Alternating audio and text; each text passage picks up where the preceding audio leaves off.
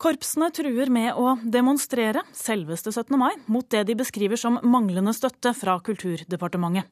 Sannheten er at eh, skolekorpsene mister oppslutning. 3500 unge mellom 10 og 19 år har sluttet bare det siste året, og siden 2004 har korpsene mistet 40 av eh, medlemmene i denne aldersgruppen.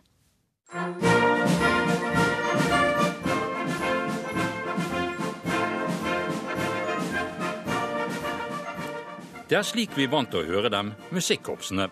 Under 17. mai-feiringen er korpsene en selvfølgelighet.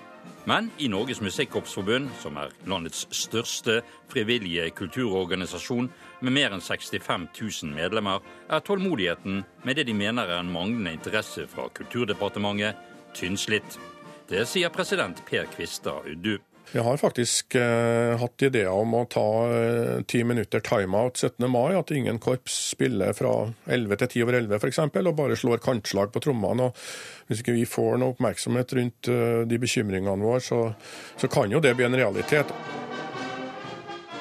Stortinget har bedt regjeringen legge frem forslag om strategi for å styrke korpsbevegelsen og få skolekorpsene inn på Unescos verdensarvliste men Per Kvistad Uddu opplever regjeringen som arrogant. Det at frivilligheten skal styrkes i Norge, det er, synes vi er mye festtaler. Det er foreldrene som i stor grad tar ansvaret for å ta vare på vår folkebevegelse, og det er ikke, det er ikke riktig. Denne regjeringa har jo styrka eh, korpsa med flere nye ordninger. Dersom Korpsforbundet vurderer å demonstrere på grunnlovsdagen vår, så eh, må det være en vurdering de må ta sjøl. Eh, jeg syns at grunnlovsdagen 17. mai bør brukes kanskje til andre ting enn å demonstrere, men som sagt, den, den vurderinga må Korpsforbundet gjøre sjøl. Det sa statssekretær Kjersti Stenseng i Kulturdepartementet. Reporter var Jan Rye Ravnestad. Den norske forfatteren Merete Lindstrøm har vunnet Nordisk råds litteraturpris. Hun får prisen for den kritikerrotste romanen 'Dager i stillhetens historie', og i går kveld ble det høytidelig ropt opp av juryen i det islandske parlamentet. Jeg har den ære å skulle kunngjøre hvem der vinner Nordisk råds litteraturpris 2012. Vinneren er Merete Lindstrøm Dager i stillhetens historie. Den norske forfatteren Merete Lindstrøm vant altså Nordisk råds litteraturpris i Reykjavik i går kveld. Og Lillian Munch Røsing, medlem av juryen, kunne overrekke Lindstrøm prisen, 350 000 kroner og all den anerkjennelsen som følger når man i fjor skrev Nordens beste bok, som allerede har vunnet en pris. Da jeg nylig mottok den norske kritikerprisen, så sa jeg at eh, takketaler er en sjanger som eh, jeg ikke behersker særlig godt. Men så la jeg frekt til at det likevel var en sjanger jeg godt kunne tenke meg å utforske nærmere. Og priser har det fulgt med de til nå seks novellesamlingene og syv romanene Merete Lindstrøm har skrevet. Om ikke nødvendigvis de store salgstallene. Om dager i stillhetens historie sier juryen at hun skriver stillferdig, presis og ettertenksom prosa. Og Lindstrøm selv selger seg heller ikke inn på andre måter.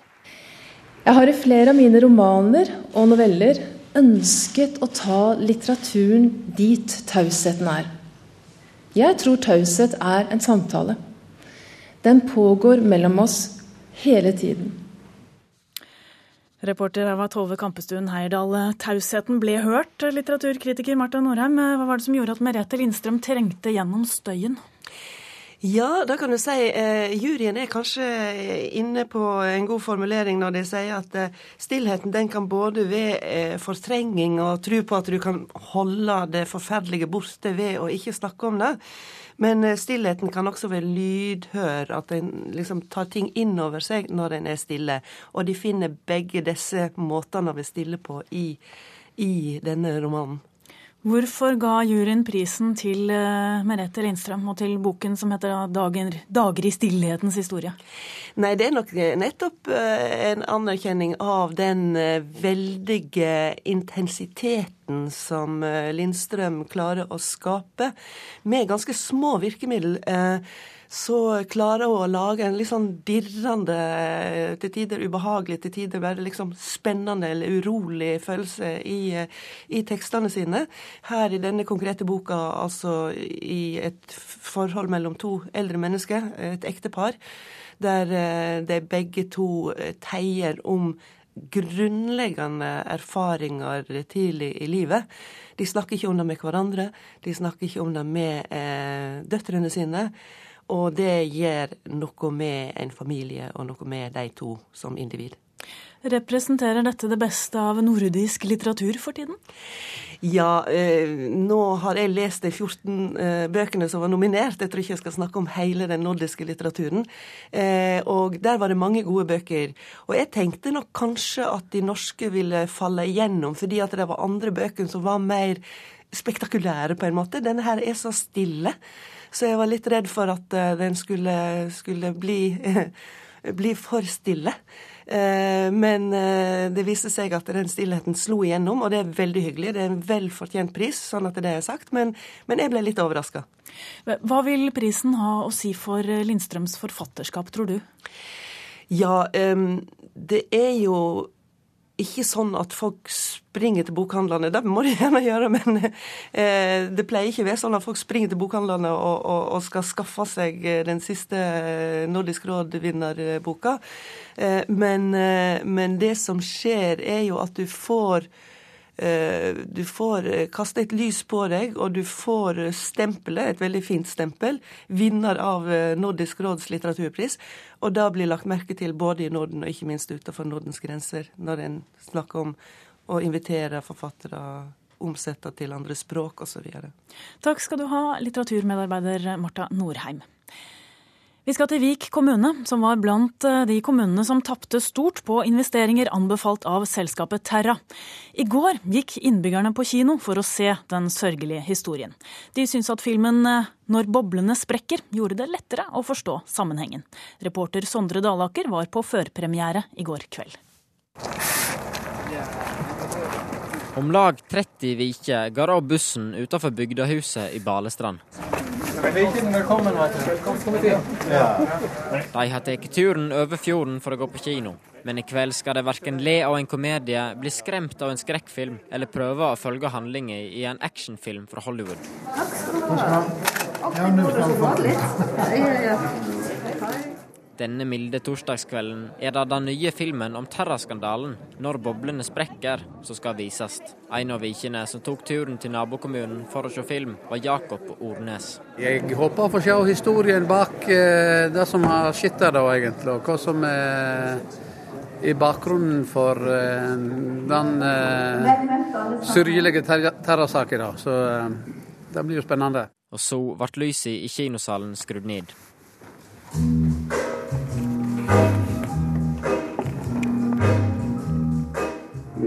En uh, rimelig bra økonomi hittil før dette her skjedde. da. Og medan filmen ruller og går i Balestrand, kan vi ta terrorskandalen på 30 sekunder. Terra-saken handler om åtte kommuner sin gambling med framtidige kraftinntekter. En gambling som til slutt ender med giganttap. Et meglerhus i Oslo anbefalte å investere pengene i USA. At det var veldig kompliserte fondsprodukt med ekstrem høy risiko, sa det ingenting om. Og så kompliserte var de at sjøl Norges Bank ikke så risikoen i det i 2006. Men høsten 2007 sendte finanskrisa og den amerikanske kredittmarkedet i kne, og plutselig var verdipapiret til de norske kommunene bare brukende til å fyre i ovnen med. Uh, I filmen tar filmskaperne med seg daværende ordfører i Vik, Erling Stadheim, og kommunerevisor i Vik, Ingvar Linde, på tur til USA. Jeg syns det er en viktig lærefilm fra å at, at her, her må en tenke seg om hva hvor, hvor faktisk det kan skje i økonomien. Det er jo rene pyramidespill. Manusforfatter Petter Skavlan sier at valget på Vik som eksempel faller ganske naturlig. Vik ble jo tidlig på 2000-tallet kåret til Norges beste kommune å leve i. Det samme året som Norge ble kåret til verdens beste nasjon å leve i. Sånn at Vik var da verdens beste kommune det året. Og det var det året de gjorde disse fortvilte Terra-investeringene. Så vi syns det var et veldig godt utgangspunkt å fortelle historien vår.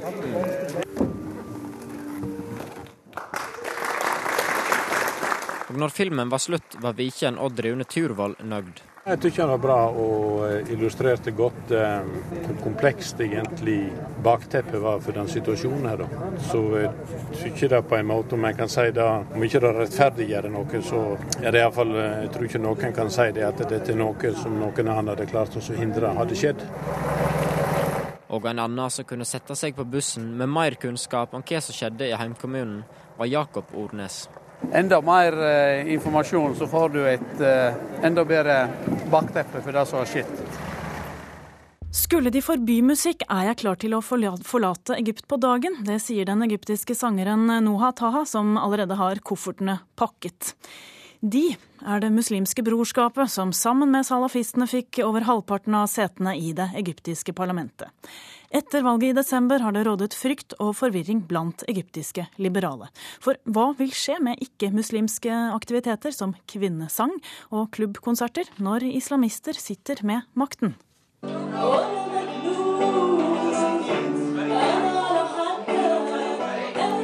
Det er torsdagskveld på Cairo Jazz Club. Den populære baren arrangerer nesten daglige konserter.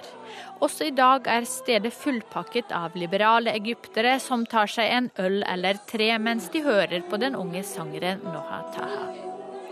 Sangeren selv er bekymret for fremtiden.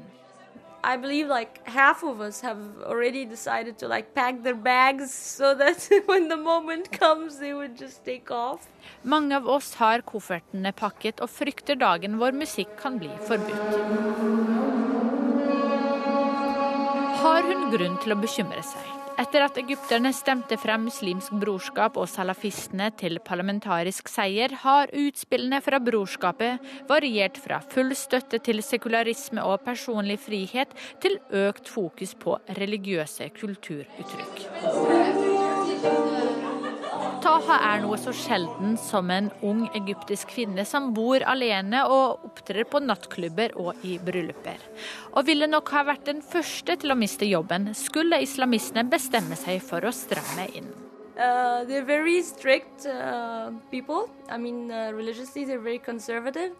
And uh, in way, I mean, the, lately they have changed their skin into calling themselves the Uh, party of freedom and justice. Freedom, you know? Selv tror hun ikke på at brorskapet eller deres parlamentariske avdeling, Partiet for frihet og rettferd, er så liberale som de sier.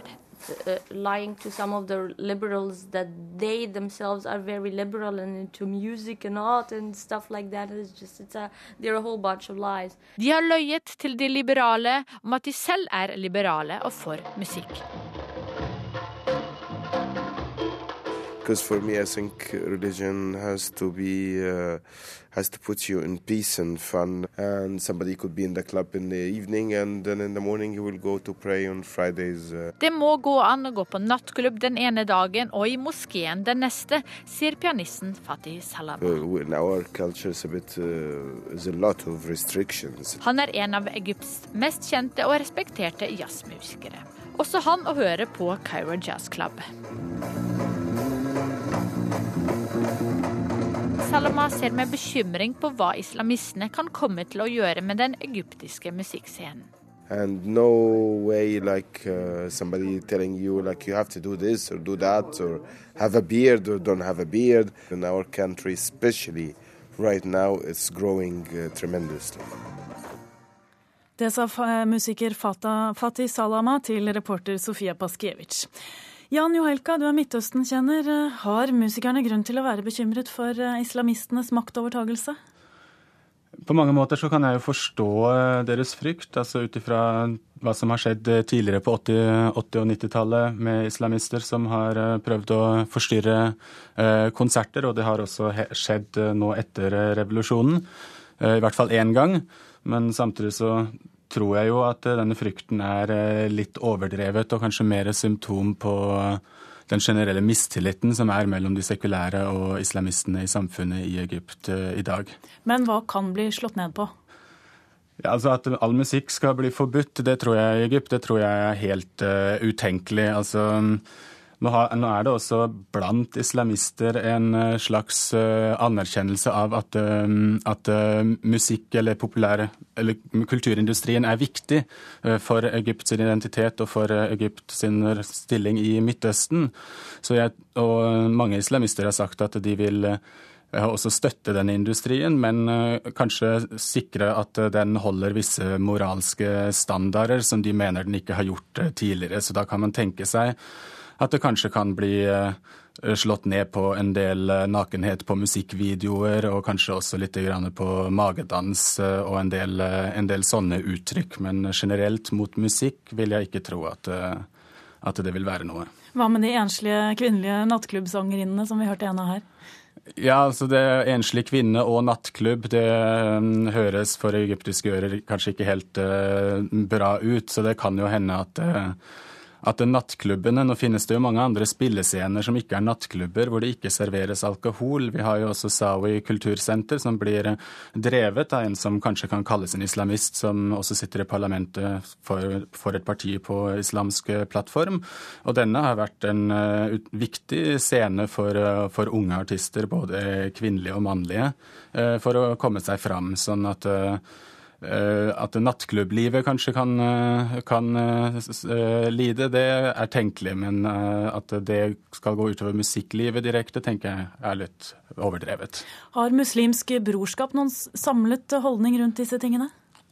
Altså, det muslimske brorskapet har jo hele tiden forsøkt å, å, å og, og, um, si at vi ikke kommer til å slå ned på noe eller kommer til å forby noe, at ting kommer til å gå mer eller mindre som de har vært før. Men samtidig så har, har jo blant salafistene er det en del løse kanoner som, som sier veldig mye rart, bl.a. at de kanskje vil at man mener at musikk er, skulle vært forbudt og, og, og sånne ting. Men um, jeg tror også at det muslimske brorskapet eh, nok er på den linjen at man gjerne vil heve det moralske nivået til eh, kulturindustrien. Eh, og også støtte den, i og med at den er såpass viktig for Egypt. Artistene vi møtte i reportasjen her, de, spiller for de øvre klasser. Liberale, vestligvendte egyptere. Er det sånn at mer folkelige kulturen kan bli forbudt? Den som tradisjonelt har stått i fare, som alltid det blir slått ned på, er jo selvfølgelig magedansen, for den er såpass eh, kulturelt stigmatisert, ikke bare av islamister, men også eh, av eh, store lag av folket. Og det har jo vært slått ned på magedans under Sadat og også under kongene med jevne mellomrom før revolusjonen 1952. sånn at og jeg hørte også et intervju med en fra Det muslimske brorskapet hvor han ble presset litt på hva han syntes om ballett. Og han var ikke veldig interessert i å snakke om ballett, men han snakket veldig mye om magedans, og at han syntes det var eh, skammelig. Sånn at eh, det er nok mulig at, kan, at, eh, at de kan oppleve noen sanksjoner. Et lite skille der, kanskje. Takk skal du ha, Jan Johelka.